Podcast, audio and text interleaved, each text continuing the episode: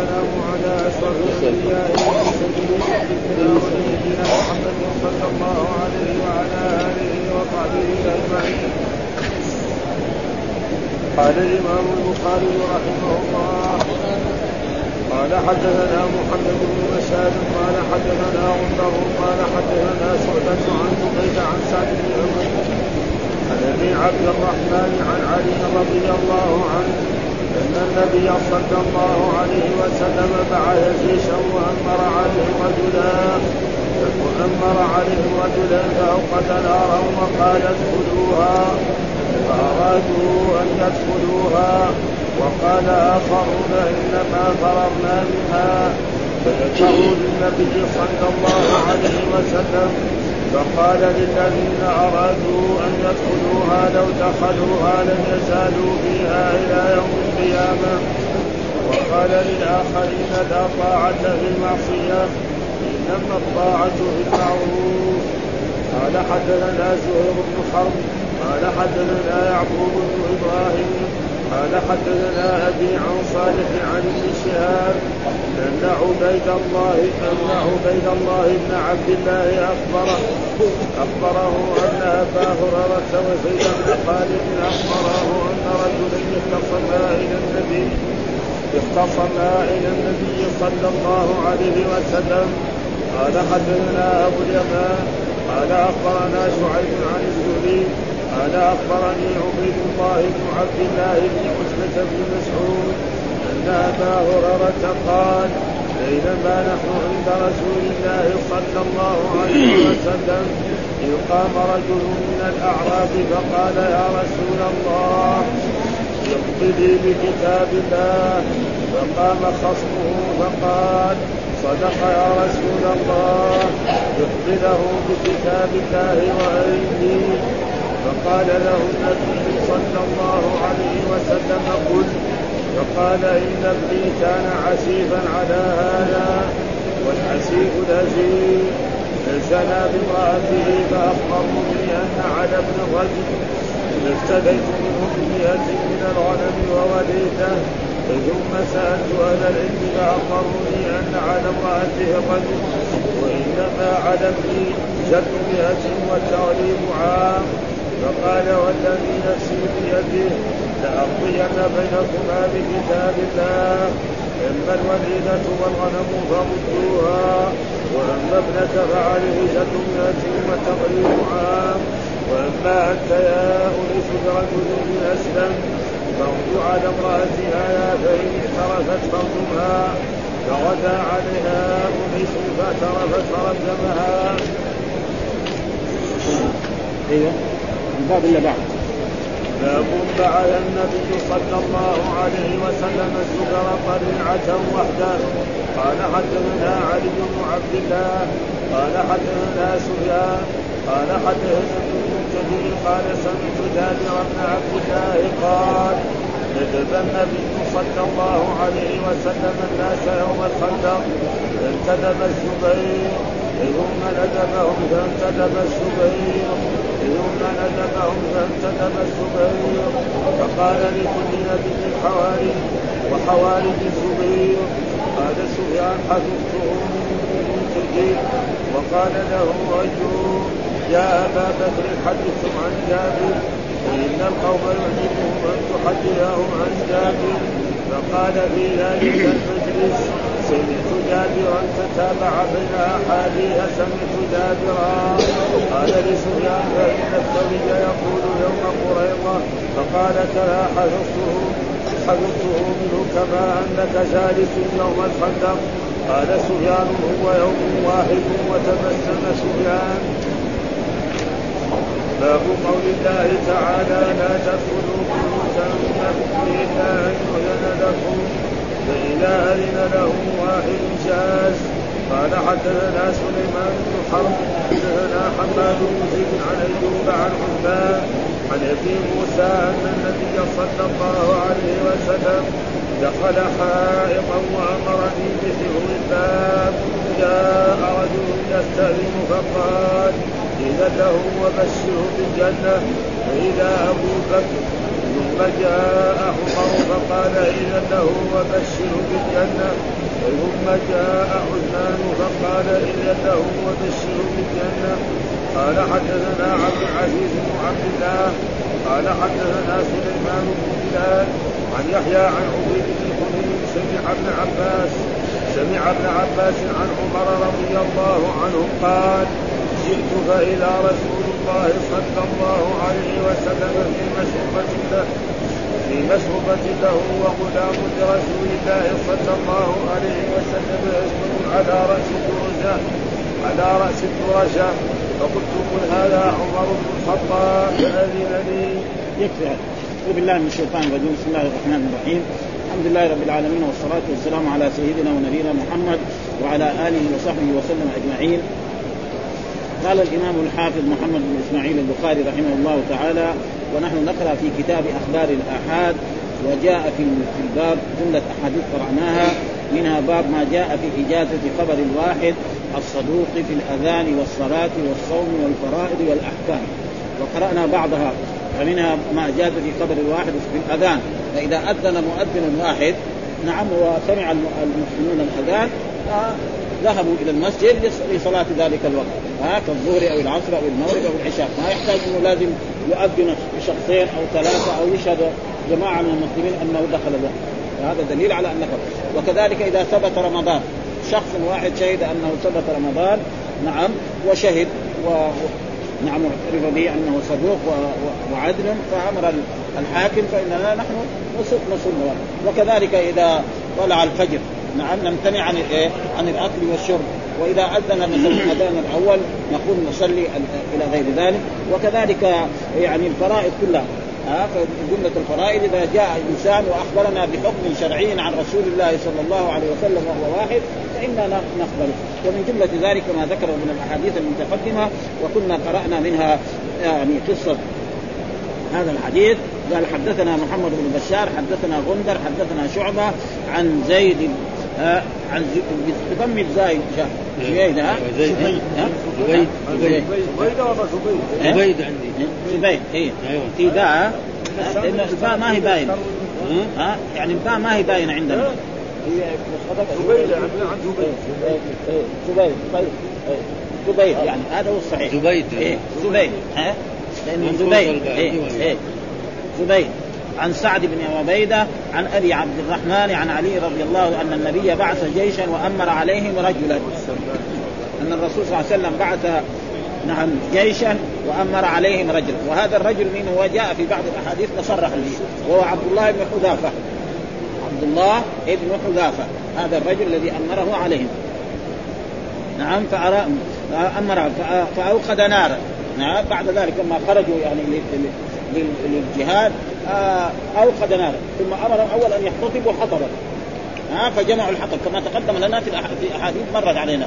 ها أو, أو أن يجمعوا حطب فلما جمعوا حطبا قال لهم أوقدوا في هذا الحطب النار يشوفهم هذه تجربة. يعني. أوقد حسب أمره. لأنه إيه؟ آه, آه، معروف أن الرسول أمر إيه؟ من يطع آه الأمير فقد أطاع الله. فاوقد ثم بعد ذلك قال لهم ادخلوها.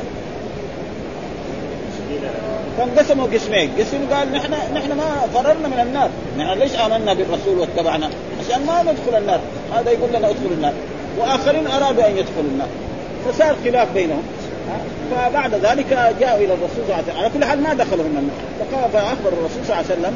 فقال لهم هؤلاء لو دخلوها لكان خلاص انحرقوا وبقوا في النار. ها؟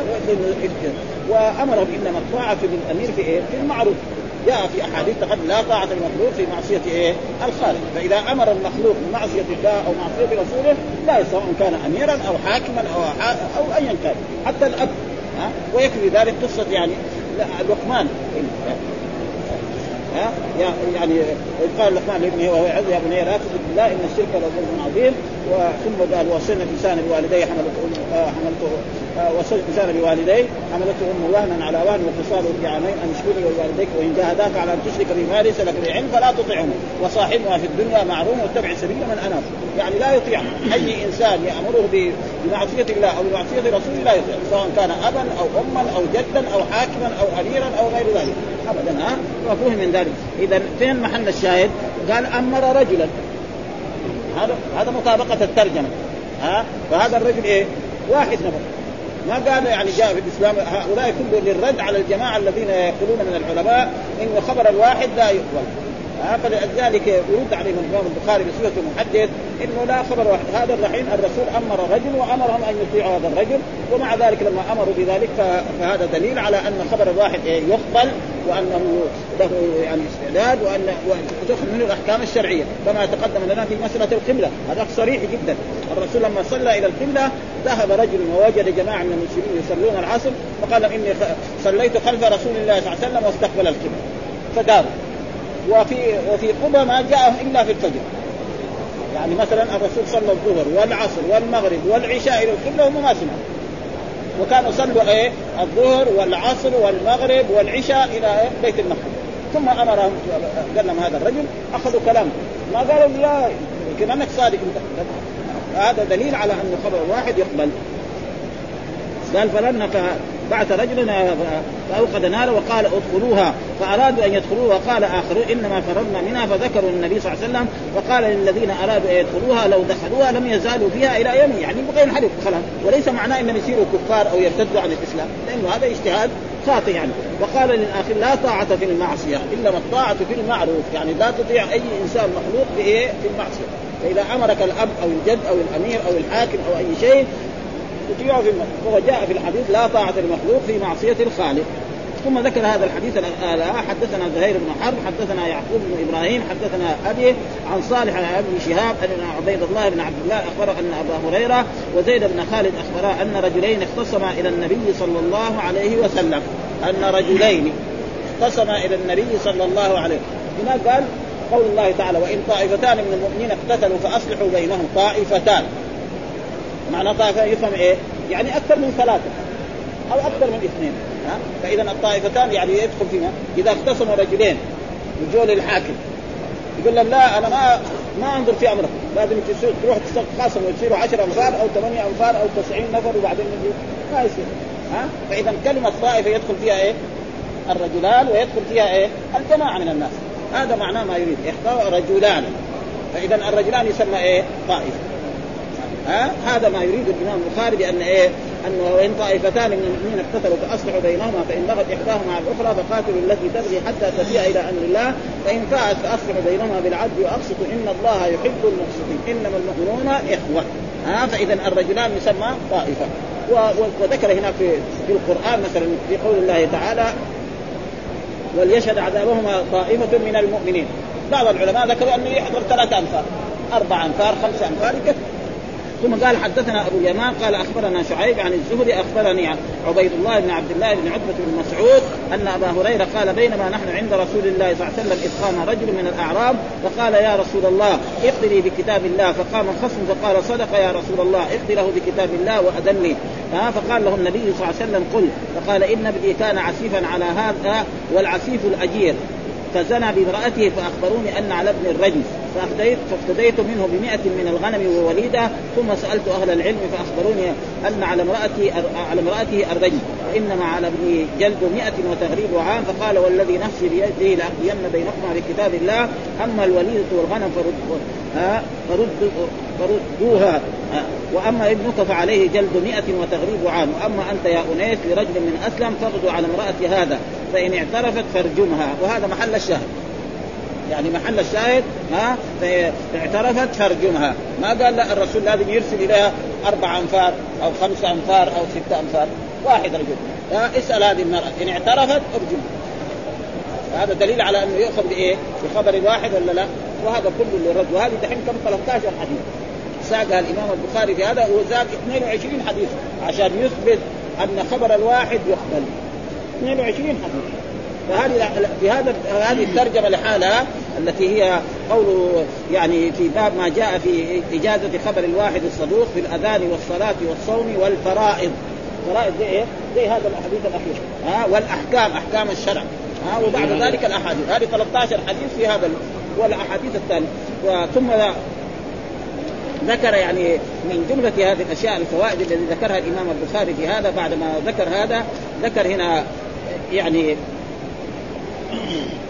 يعني يقول كلمة لابن القيم قال ابن القيم في الرد على من رد خبر الواحد. يعني ابن القيم معروف إمام عظيم جدا العلامة ابن القيم قال ابن القيم في أحد كتبه يمكن في يعني إعلام الموفعين في الرد على من رد خبر الواحد إذا كان زائدا على القرآن ما ملخصه إذا كان زائدا على القرآن ما ملخصه السنة مع القرآن على ثلاثة أوجه، أحدها أن توافقهم من كل وجه، فيكون إيه؟ من توارد الأدلة.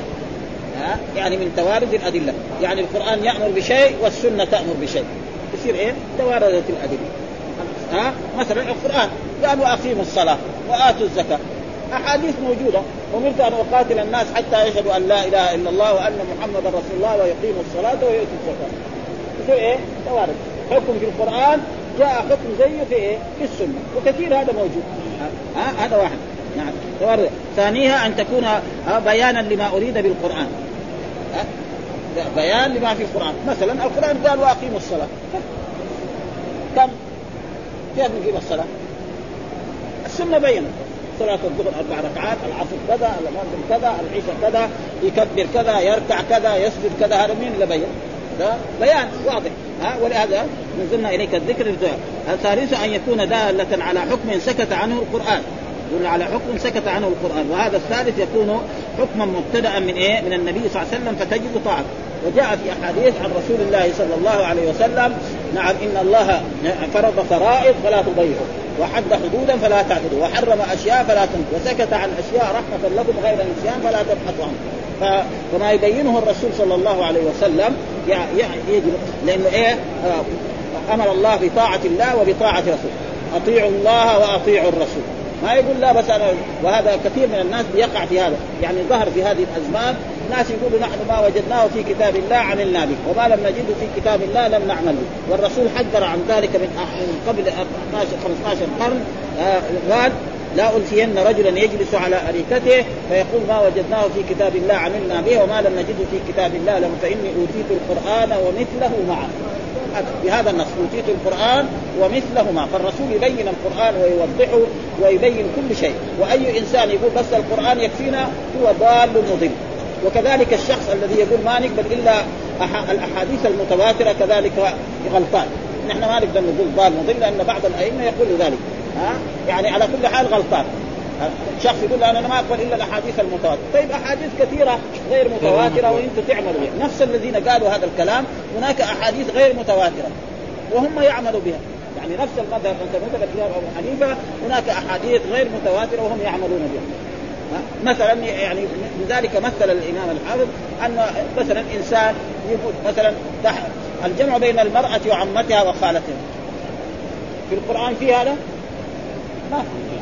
ها؟ وكذلك مثلا بين آه يعني الأخت هذا موجود. بين المرأة وعمتها وخالتها كذلك يقول الوضوء بالنبيذ. هم يقولوا الوضوء بالنبيذ. النبيذ معناه تمر يعني شبه خمر. يقول الوضوء. كذلك يقولوا أن الصلاة أن الوضوء يبطل بالقهقه. إذا واحد بيصلي وضحك كده برفع صوت ومع أحاديث ضعيفة. يعني هي أحاديث عند أهل العلم وعند أهل السنة ضعيفة ومع ذلك أخذوا بها إلى غير ذلك فلأجل ذلك يعني كذلك من جملة ذلك يعني يقول آه قالوا بتحريم المرأة على عمتها وتحريم ما يحرم من النسب بالرضاعة. ها؟ مثلا جاء في الحديث يحرم من الرضاعة ما يحرم بالنسب. هذا حديث إيه؟ متواتر ما هو متواتر. كل الأئمة أخذوا به. الإمام أبو حنيفة أخذ والذين اتبعوا كيف تقول؟ هذا؟ تقول ما تأخذ بأحاديث يعني ها؟ ويحرم بالنسب وخيار الشرط. خيار الشرط موجود. ها؟ يعني إنسان يشتري سلعة ويقول أنا أروح أشاور والدي. أو أجربها. إلى غير ذلك. يقول والشفعة هذا ثابت بإيه؟ بحديث احاد والرهن في الحضر. الرهن ثبت إيه؟ في السفر في القرآن. ها؟ وإن كنتم على سفر ولم تجدوا كاتبا فرهان مخروج. طيب. في الحضر يجوز الرهن ولا ما يجوز؟ جائز ها؟ في أحاديث منها أن الرسول صلى الله عليه وسلم نعم رهن درعه عند يهودي في ثلاثين صاعا من تم من شعير هذا فين؟ في القرآن ما في وهم يقولوا بهذا فلذلك كلامهم متناقض ولذلك يعني ولو كان رأينا يعني في هذا الموضوع ماذا يقوله يعني آه يعني صاحب عمدة القاري آه عمدة القاري يدافع دائما عن لأنه شوية متعصب للمذهب الحنفي ها ولعلنا إن شاء الله نتذكر نراجع إيش يقول في هذه الأشياء. لأنه هو شوية عنده تعصب يعني. ها الحافظ لا ما يعني تقريبا إمام وكذلك قال ونبي وإيجاب الوتر. الحنفية يقول أن الوتر واجب. طيب فين الآية التي توجب الوتر في القرآن؟ ما في. ها في أوتروا يا أهل القرآن. أمر هذا. أوتروا. أوتروا يا أهل القرآن. خلاص. طيب هل واجب؟ كثير من العلماء يقول سنة مؤكدة. ما هو واجب؟ و... و... ومر علينا كان في, الموطأ أن رجلا قال إن الوتر واجب. فقال إيه؟ كذب أبو محمد. ثم ساق الحديث. ها خمس صلوات كتبهن الله على العباد في اليوم والليلة فمن أتى بهن فإن له عهد عند الله أن يدخله الجنة. ومن لم يأت بهن فليس له عهد عند الله إن شاء عذبه وإن شاء غفر هم مثلا الحنفية يقولوا أن الوتر إيه؟ واجب. طيب مين اللي أوجبه؟ فين الحديث اللي يوجد؟ حديث احاد ما هو يعني ما هو متواتر. فكيف تأخذ هنا وهنا وهنا ما تقبل؟ فلذلك يعني وكذلك من الأشياء وأن أقل الصداق عشرة دراهم. أقل الصداق عشرة دراهم. كذا يقول الحنفية. مع أنه ثبت أن الرسول زوج إنسان بإيه؟ بسور من القرآن. ها؟ وزوج بأي؟ وكذلك وتوريث بنت الابن السدس. يعني توريث يعني إذا رجل مات وترك بنتا وبنت ابن وما لهم غيره. البنت تأخذ النصف نص القرآن. طيب بنت الابن تأخذ السدس من فين؟ من السنة هذا ها؟ ها؟ فين؟ حديث متواتر؟ ما هو حديث متواتر.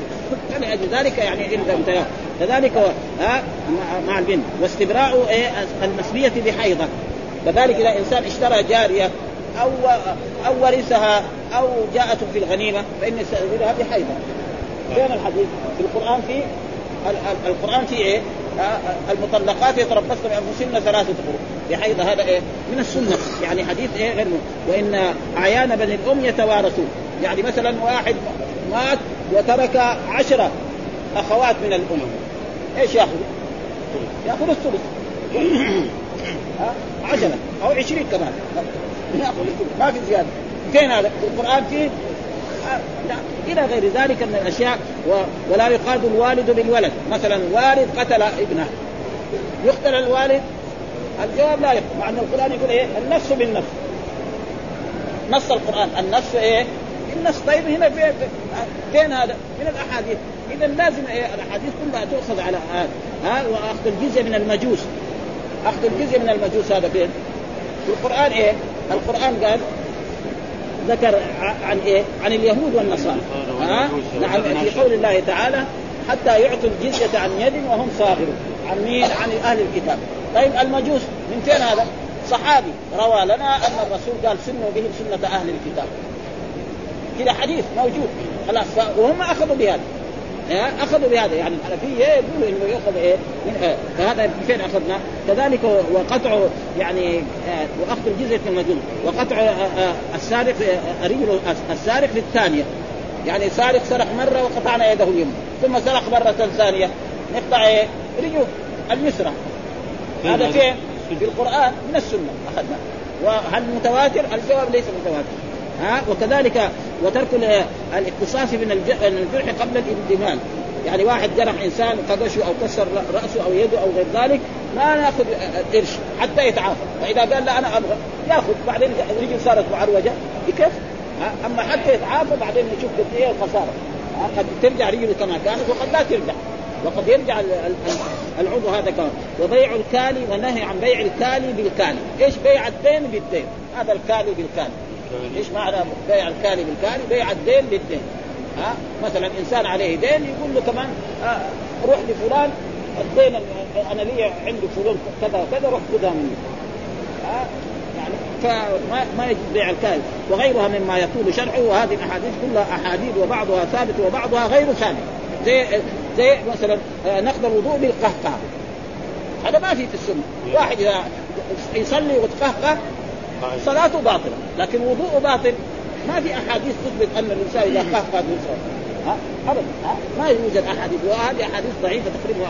ومع ذلك قال فهذه 13 حديث الآن سابق. وباقي كم؟ الباقي لأنه 22 حديث سابق. هذا يدل يعني على ثم ذكر باب بعث النبي صلى الله عليه وسلم الزبير وطلحة وحده. يقول باب بعث النبي صلى الله عليه وسلم الزبير وهي طليعة واحدة باب بعث النبي صلى الله عليه وسلم الزبير طليعه واحدة فهذا دليل على إيه؟ إنه الإنسان إيه؟ الأمير أو الحاكم يبعث شخص واحد بأمر من أمور الدولة فيأتي بالخبر وهذا ما قال لازم آه، يعني ما يخبر لأنه لما يجي مثلا الزبير ويقول يا رسول الله أنا رأيت كذا وكذا أو فعلت كذا وكذا أو أنهم فعلوا كذا وكذا الرسول يقبل هذا الكلام ولا لا؟ فإذا قبلوا معناه إذا أنتم تيجي بعدين تقولوا لا ما نقبل الخبر الواحد ها؟ مثلا أن عمر بن الخطاب أو بكر الصديق أرسل شخصا إلى أمر من الأمور. ثم جاء قال له كان كذا وكذا صار. يقبل كلامه ولا لا؟ يقبل كلامه فلذلك خبر واحد. وهذا يعني شيء مهم طيب إيش الدليل؟ يبغى إيه؟ يعني حديث. قال حديثنا حدثنا علي بن عبد الله قال حدثنا سفيان حدثنا ابن المنكدر قال سمعت جابر بن عبد الله قال ندب النبي صلى الله عليه وسلم الناس يوم الخندق فانتدب الزبير ثم ندبهم فانتدب الزبير ثم ندبهم فانتدب الزبير فقال لكل نبي حواري وحواري الزبير. قال سفيان حفظت من ابن المنكدر وقال له أيوب يا أبا بكر حدثهم عن جابر فإن القوم يعجبهم أن تحدثهم عن جابر. فقال ذلك في المجلس سمعت جابرا فتتابع فتابع بين أحاديث فتابع بين أحاديث سمعت سمعت جابرا. قلت لسفيان فإن الثوري يقول يوم قريضه فقال كذا حفظته منه. كما أنك جالس يوم الخندق. قال سفيان وهو يوم واحد وتبسم سفيان. يقول في هذا الحديث عن جابر بن عبد الله قال ندب النبي الناس يوم الخندق. يعني معلوم أن يوم الخندق أن الرسول صلوات الله وسلامه عليه لما جاء اجتمعت قريش والاحابيش واليهود على غزو رسول الله صلى الله عليه وسلم في المدينة والرسول شاور أصحابه ماذا نفعل؟ فأشار سلمان الفارسي أنه نحن في فارس إذا خفنا خندقنا. إذا خفنا من العدو وشفنا العدو أكثر مننا نعمل نحفر حفره بيننا وبينه. خلاص. فإذا جاء ما يقدر إيه؟ يصل إلينا. وهذا الحفره غريقه يعني الفرس ما يقدر يشبعها فضلا عن الإنسان. خلاص. آه ففعلوا ذلك وانتهى. وجاءت قريش ووجدوا هذا تعجب. وصار إيه؟ مناوشات يعني بسيطة. مدة أيام مدة تقريبا حول 20 يوم. ثم ربنا أرسل عليهم ريح شديدة وبرد شديد جدا حتى أنهم نعم قاموا وأخذوا يعني ذكروا خيولهم وابلهم وسافروا. ومنهم أبو سفيان الذي هو كان رئيس الجيش ركب بعيرة قبل أن يفك عقاله. من إيه؟ من الربشة. لأن العربي يعرف البعير ما يركب إلا بعد ما يفك العقال ابدا. يمكن واحد ما يعرف أمريكاني يمكن. لكن العربي وهذا ما له ذاك الوقت ما في إلا بعير أو فرس. ما في لا طيارة ولا في شيء. فهذا من إيه؟ من الربشه الذي حصل. فالرسول لما شاف ما لهم صوت انتدب من يأتينا بخبر القوم وإذا به لأنه في خوف اولا برد شديد وخوف شديد فمن يعطينا بخبر؟ فانتدب الزبير. قال أنا. ثم برضه الرسول سأل مرة ثانية برضه الثاني يعني كأنه بعض الصحابة الآخرين يعني عندهم شيء من الايه؟ من يعني الخوف أو من من الوجل من هذا ماذا يحصل عليه؟ لأنه برد شديد وهذول أعداء. فكذلك مرة ثانية الزبير ثم مع المرة الثالثة حتى أن الزبير لما ذهب وأتى بالخبر للرسول صلى الله عليه وسلم قال له الرسول لا تحدث شيئا. أبدا. يعني أنت بس شوف إيش بيساوي وجدهم هناك غربانين إلا الخيمة حقتهم طاحت إذا عندهم أواني مثلا قدر القدر مثلا يكون هنا يروح مسافات قدر آه ماعون ما في شيء. النار انطفت. خلاص. آه خيامهم كلها طاحت في الأرض. فقال هو الزبير عن نفسه يعني لو أراد يقتل جماعة منهم لقتل لكن حسب أمر رسول الله صلى الله عليه وسلم هو ما عمل شيء. ثم أخبر الرسول بذلك وأنزل الله تعالى في يعني في قول الله تعالى يعني إذ جاءوكم من فوقكم اسفل منكم وإذ زاغت الأبصار وبلغت القلوب الحناجر وتظنون بالله الظنون هنالك ابتلي المؤمنون وزلزلوا زلزالا شديدا. وإذ يقول المنافقون والذين في قلوبهم مرض ما وعدنا الله رسول إلا غرورا واذ قال إلى آخر الآيات. فهذا كان إيه؟ يوم الخندق. ثم بعد ذلك الرسول يعني انتدب في بعض الروايات انتدب إيه لقريضه قريضه إيه؟ قريضه هذه قبيلة من قبائل اليهود وكانت في في الجهة الشرقية الجنوبية من المدينة، يعني تقريبا في هذه الجهة. وبنو النضير كانوا في هذه الجهة، يعني بنو النضير فين كانوا يسكنون؟ في قبى وايه؟ طيب شكرا شكرا ها كانوا يسكنوا مثلا في قبى وقربان ها وأما هؤلاء فكانوا يسكنوا في الجهه الشرقية الجنوبية بنو قريظة. وبنو قريظة هذول صار اتفاق بينهم وبين قريش على أن قريش يجوا يحاربوا الرسول وهم يكونوا مع رسول مع مع قريش ومع فحصل منهم انه بعد ذلك الآن هم في هذه الجهة. نقضوا العهد بعد كان في عهد بين الرسول وبين قريظة على أنهم لا يكونوا ضد الرسول. فالحين اتفقوا مع قريش فمعناه نقضوا إيه؟ العهد. فالرسول صلى الله عليه وسلم أمر أن رجل أن يأتي يعني ياتي ياتي, يأتي الرسول بخبرهم الصحيح. فلما ذهب إليهم وجدوا أنهم نقضوا العهد واتفقوا مع قريش آه فجاء رجل ويسمى هو عروة بن مسعود. يعني الآن ما أذكرها تمام عروة بن مسعود. فقال يا رسول الله خزل عنا. يعني فرق بين إيه؟ كلمة قريش وبين قريظة فذهب إلى إلى إلى اليهود بني قريظة. قال لهم دحين أنتم طيب؟ يعني نقضتوا العهد مع رسول الله. بكرة قريش يروحوا. تصيروا أنتم تبقوا في المدينة. يقتلكم الرسول. إذا إيش الطريقة؟ هو قد أسلم. قال لهم إيه؟ يقولوا لقريش نحن ما يعني ما نكون معكم. يعني حتى ها؟ كذا عروة بن مسعود آه مسعود. آه إبراهيم. نعيم نعيم ها؟ نعيم بن مسعود. نعيم بن مسعود. ف انه يعطونا اولادهم حتى يكونوا عندنا حتى إذا كان يعني تركونا نقتل أولادهم وراح كذلك لقريش وقال لهم طيب الآن أنتم فعلتم كذا. هؤلاء نقضوا العهد ورجعوا وتأسفوا مع ذلك مع رسول الله انهم نقضوا العهد وبعد ذلك فصار إيه؟ فراح يسألوا هذول يقول لهم كذا كذا. زي ما قال لنا نعيم بن مسعود كما قال لنا نعيم بن مسعود فصار إيه؟ تفرقه ثم بعد ذلك الرسول لما خرج يعني قريش رجعوا إلى قاموا ورجعوا وعاد الرسول إلى بيته ودخل يغتسل فجاءه جبريل فقال أنتم وضعتم يعني السلاح فإن الملائكة لم يضعوا السلاح. وأمر رسول الله صلى الله عليه وسلم أصحابه أن يخرجوا إلى بني قريظة. وقال لا يصلين أحدكم العصر إلا في بني قريظة. فخرج أصحاب رسول الله صلى الله عليه وسلم وبعضهم ما وصل إلى بني قريظة إلا في المغرب. وما صلى العصر حتى وصل إلى هناك فهم إيه؟ يعني النص على ما هو. عليه وآخرين فهموا فهما فقهيا. يعني صلاة العصر معروف إن لها وقت إن الصلاة كانت على المؤمنين كتابا موقوتا لما جاء وقت العصر صلوا. أيهما أفقه؟ الذين صلوا. اللي صلوا العصر في وقتها أفقه من الذي. ولذلك الرسول لا عنف هؤلاء ولا عنف هؤلاء. هذا قال لكم يعني هؤلاء أفقه. ولأجل ذلك جاء في الأحاديث الصحيحة إذا اجتهد الحاكم فأصاب فله أجران وإذا اجتهد فأخطأ فله أجر واحد. والذنب محفوظ وهذه معروف أنه مسائل كثيرة علمية تجد اختلاف بين الأئمة وبين العلماء في هذه المسألة وهذا لا يضر وغير ما مر قلنا أن هناك رسالة لشيخ الإسلام ابن تيمية رفع الملام عن الأئمة الأعلام، يعني رسالة من أحسن الرسائل في هذا الباب تسمى رفع الملام عن الأئمة الأعلام وذكر فيها أن إمام من الأئمة يخالف نصا من النصوص له 11 سبب. وذكر السبب الأول، الثاني، الثالث، الرابع إلى ان بلغ ال 11 ثم بعد ذلك نعم قال هل يلحقهم يعني وعيد هؤلاء الذين خالفوا هذه النصوص؟ الجواب لا. ها لأنهم اجتهدوا فأصابوا فلهم أجران والذي اجتهد فأخطأ ثم مثل ما مثل بالأئمة الأربعة مثل بإيه؟ بأبي بكر الصديق وبعمر وعثمان والصحابة الكبار فمثلا لما نيجي نحن مثلا أيهما أفضل أيهما أعلم أبو بكر الصديق أو مالك أو الشافعي أو أحمد ومثل بذلك مسائل علمية يعرفها بعض الصحابة الصغار وعمر بجلاله قدر ما يعرفها منها قصة يعني أبو موسى الأشعري لما استأذن وقال السلام عليكم أدخل. المرة الأولى ما جاءوا، المرة الثانية ما جابوا، المرة الثالثة انصرف، فلما انصرف ناداه، قال ليش انصرف؟ قال إن رسول الله صلى الله عليه وسلم قال الاستئذان ثلاث، فإن أذن لك فادخل والا فانصرف. قال له لا لازم تجيب من يشهد لك بهذا. عمر معروف ما هو سهل، لازم تجيب من يشهد لك من الصحابة إن الرسول قال، دخل المسجد التقى الصحابة. قال لهم كذا كذا يقول عمر. قالوا لنا نحن نرسل معك أصغر واحد وهو يعني يعني آه شو اسمه أبو سعيد الخدري. خذ هذا الشاب يشهد وكثير مسائل ذكر معه. ها؟ ابدا. فلذلك يعني في هذا يقول هنا يقول قال سفيان حدثت من ابن المنكدر وقال له أيوب يا أبا بكر حدثهم عن جابر فإن القوم يعجبهم أن تحدثهم عن جابر.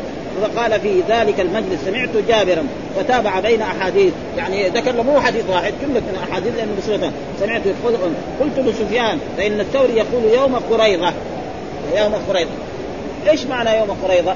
يوم قريضه يعني الأيام التي كان فيها يعني غزوة الخندق. لأن أيام كثيرة يمكن يعني 20 يوم. يعني ف... وهذا قد يسمى اليوم بإيه؟ بالوقت. يعني يسمى اليوم بالوقت. مثلا نقدر نقول نحن يوم الحرب بمعنى زمن الحرب. ها يوم البرد يعني أيام إيه؟ شدة البرد. هذا معناه. فإذا ليس معناه في وقت واحد كان هذا. ها؟ هذا لما أرسل إلى بني قريظة في وقت غير ولما أرسل مثلا الزبير لينظر إلى قريش ماذا فعلوا في وقت آخر ولذلك يقول في هذه يقول في هذا فأما مسلم فلم يصح بل أحال به على رواية سفيان وأما البخاري فقال في كل منهما يوم الأحزاب ويوم الأحزاب ويوم الخندق شيء واحد. وكذا الباقون ووقع في رواية هشام بن عروة عن ابن المنكدر عن جاء النبي قال يوم الخندق من يأتيني بخبر بني قريظة فلعل هذا هو السبب الوهم. ثم وجدت آه، آه، الإسماعيلي نبه على ذلك فانما طلب النبي صلى الله عليه وسلم خبر بني قريظة ثم ساق من طريق فليح بن سليمان عن محمد بن المنكدر عن جابر قال ندب رسول الله صلى الله عليه وسلم يوم الخندق من ياتي بخبر بني قريظة. قال فالحديث صحيح آه، يعني تحمل روايته من قال يوم قريظة أي اليوم الذي أراد أن يعلم فيه خبر لا اليوم الذي غزاهم فيه. وذلك مراد سفيان بقوله إنه يوم واحد. وقال سفيان وهو ابن عيينة هو يوم واحد يعني يوم الخندق ويوم قريظه وهذا معناه يعني في وقت واحد. وهذا إنما يصح على إطلاق اليوم على الزمان الذي يقع فيه الأمر الكبير سواء قلت ايامه أو كثرت كما يقال يوم الفتح. نحن نقول يوم الفتح يعني. يعني يوم فتح مكة يوم فتح مكة. إيه؟ كل الأيام التي جلسها رسول الله صلى الله عليه وسلم في مكة بعد ما فتح مكة جلس الرسول من يوم 20 من يوم في رمضان إلى تقريبا 15 أو 18 من شوال. كل هذا يسمى إيه؟ يوم فتح الرسول إيه؟ مكة. ها؟ وكان الرسول يصلي في مكة صلاة المسافر. يصلي الظهر ركعت آه، ركعتين والعصر ركعتين والعشاء ويقول يا أهل مكة صلوا صلاتكم فإنا قوم سفر. كذا ففهم من ذلك آه، هذا. وأصحابه آه إلى منازل. وجاء جبريل آه بين الظهر والعصر فامرهم بالخروج إلى بني قريظة فخرجوا وقال لا يصلين أحد إلا في بني قريظة. ثم حاصرهم أياما حتى نزلوا على حكم سعد بن معاذ. وهذا تقدم لنا في المغازي فلما نزلوا على حكم سعد بن معاذ نعم جاء بهم الرسول فحكم فيهم أن يقتل جميع الرجال البالغين وتسبى ذراريهم فقال الرسول لقد حكمت فيهم بحكم الله من فوق سبع سماوات. ونفذ كان تقريبا حول 600 رجل وأتي بهم. أي واحد امت الشعر وكان بالغا يقتل وهذا يعني يعني جزاء كل من كفر وكل من عاند الإسلام هذا جزاؤه في هذا ثم بعد قال باب قول الله تعالى لا تدخلوا بيوت النبي إلا أن يؤذن لكم. آه باب قول الله تعالى يعني معنى استدلال بقول الله تعالى في هذه الآية التي في سورة الأحزاب لا تدخلوا بيوت النبي. لا ناهية جازم وتدخل فعل مضارع مذكور وهذا فيه نهي من الله سبحانه وتعالى لجميع المسلمين أن يدخلوا بيوت إلا أن يؤذن لهم إلا أن يؤذن لكم. يعني لا يجوز لأحد يدخل بيت النبي صلى الله عليه وسلم إلا بعد أن يستأذن. فإذا أذن له دخل. وإذا لم يؤذن له لم يدخل. هنا قال يؤذن لكم. بالجمع يعني محل الشاهد إيه؟ يؤذن لكم. اللام والكاف إيه؟ ضمير والميم إيه؟ يعني واحد يكون يساوي فلسفه يقول طيب يعني يؤذن للجماعة. أما الواحد لا يدخل في ذلك. لا فرق في كونه. الواحد كذلك إذا جاء لازم إيه؟ لازم ما يدخل بيت النبي حتى يؤذن له. يعني يجي محمد أو خالد أو محمود أو أي واحد من الصحابة يقف على بيت رسول الله صلى الله عليه وسلم ويقول السلام عليكم أنا فلان. أدخل أم لا أدخل؟ فإن قالوا له أدخل دخل. وان قالوا لا أدخل لا أدخل. ها؟ هذا الآية يؤذن لكم. بالجمع. طيب الواحد حكمه كذلك؟ نعم الجواب. الجماعة. ها؟ لا فرق بين الواحد وبين الجماعة. إيش الدليل؟ قال فإذا أذن له فإذا أذن له واحد جاز. فإذا أذن الرسول لواحد جاز. ما يقول لا القرآن قال يؤذن لكم. وهذا تقريب يعني ها؟ الحديث صريح. الحديث إن ساق الإمام البخاري صريح أن الرسول أذن لإيه؟ لواحد الحديثين كلها الحديثين كلها أذن لواحد واحد يعني أذن الايه؟ الثلاثة أول أذن لهم أن يدخلوا في مكان الرسول صلى الله عليه وسلم والثاني حديث صريح عن عمر بن الخطاب رضي الله تعالى له اذن له أن يدخل إلى المشربة التي كان الرسول جالسا فيها وهي قول الله حدثنا سليمان بن حرب حدثنا حماد بن زيد عن أيوب عن أبي عثمان عن أبي موسى أن النبي صلى الله عليه وسلم دخل حائطا وأمرني بحفظ باب عن أبي موسى وأبو موسى الأشعري أن دخل حائط، الحائط معناه بستان يعني من البساتين الموجودة في المدينة وأمرني بحفظ وجاء في بعض الأحاديث ان أن أبا موسى الأشعري قال إني سأكون بوابا لرسول الله صلى الله عليه وسلم. ما دام الرسول دخل في هذا الحائط يجلس في مكان وأنا أصير بواب. آه فالرسول بعد ذلك هو أول أراد هذه الوظيفة. فالرسول أذن له. وصار إيه؟ بأمر رسول الله قعد عند الباب. ما أحد يدخل حتى إيه؟ يستأذن من الرسول. ها فجاء رجل يستأذن. جاء رجل يستاذن قال إيه اذا له وبشره بالجنة. فإذا هو أبو بكر. هذا الرجل جاء يستاذن فقال لا خليه يستاذن فاستأذن له فقال اذا له وبشره بالجنة. فيصير آية أبو بكر من إيه؟ من أهله. ثم بعد شوية جاء عمر بن الخطاب فاذن له يعني راح يستأذن الرسول. هل يدخل عمر بن الخطاب وبشره بالجنة؟ ثم جاء عثمان فقال اذا له وبشره بالجنة. إنما قال في في عثمان على بلوى تصيبه. جاء في أحاديث مرت علينا على بلوى تصيب وهذا هو الذي حصل لعثمان. فإن عثمان بعدما بويع بالخلافة وكان في السنوات الأولى لأن تولى الخلافة أقام في الخلافة يمكن 12 سنة ونصف. الست سنوات الأولى مشى طيب وبعد الست سنوات صار الانتقاد عليه. كثر المنتقدون عليه لأنه يوظف إيه؟ أقاربه وناس الذين أسلموا حديثا وما يترك. والسبب في ذلك أن عثمان بن عفان يقول أن هؤلاء اكفاء ها والإنسان إذا أحسن إلى أقاربه لا يلام إذا كانوا اكفاء فهو يراهم اكفاء وهذا من الأشياء التي انتقد فيها.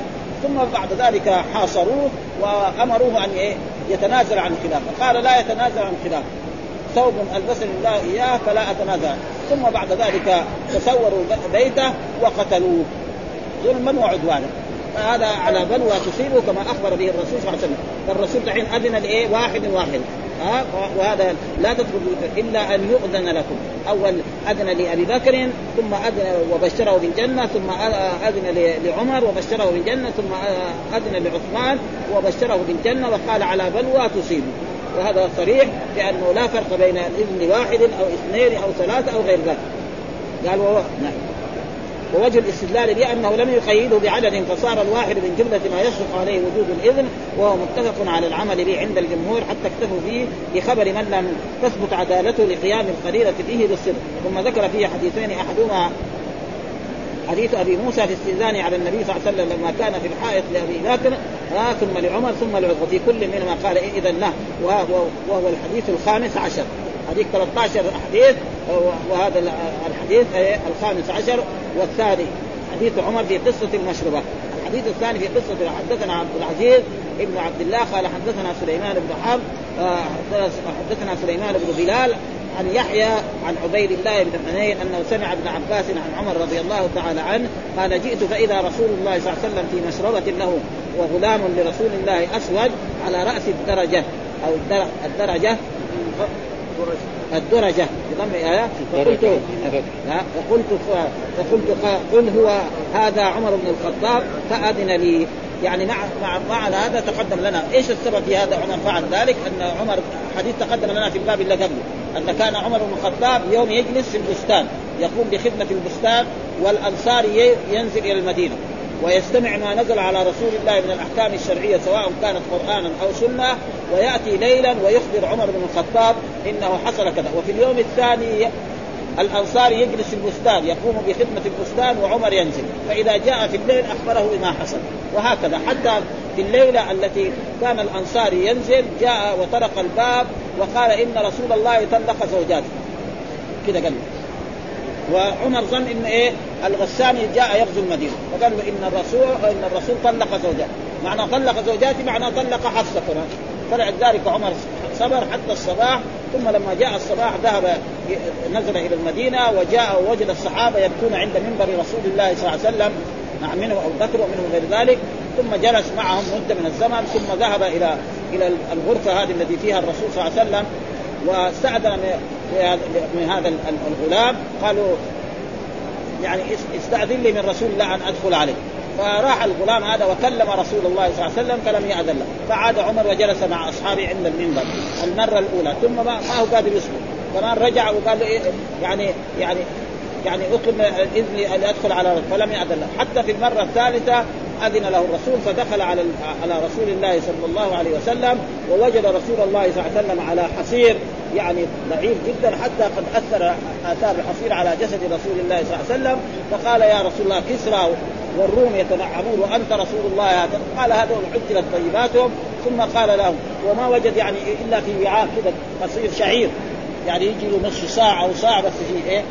ما في مخازن فيها طعام وفيها تمر وفيها أشياء أبدا ما فيها أشياء من هذا. فقال هذول يتنعم قال هذول يعني عجلت لهم طيبات. فقال هل طلقت نساءك يا رسول الله؟ قال لا.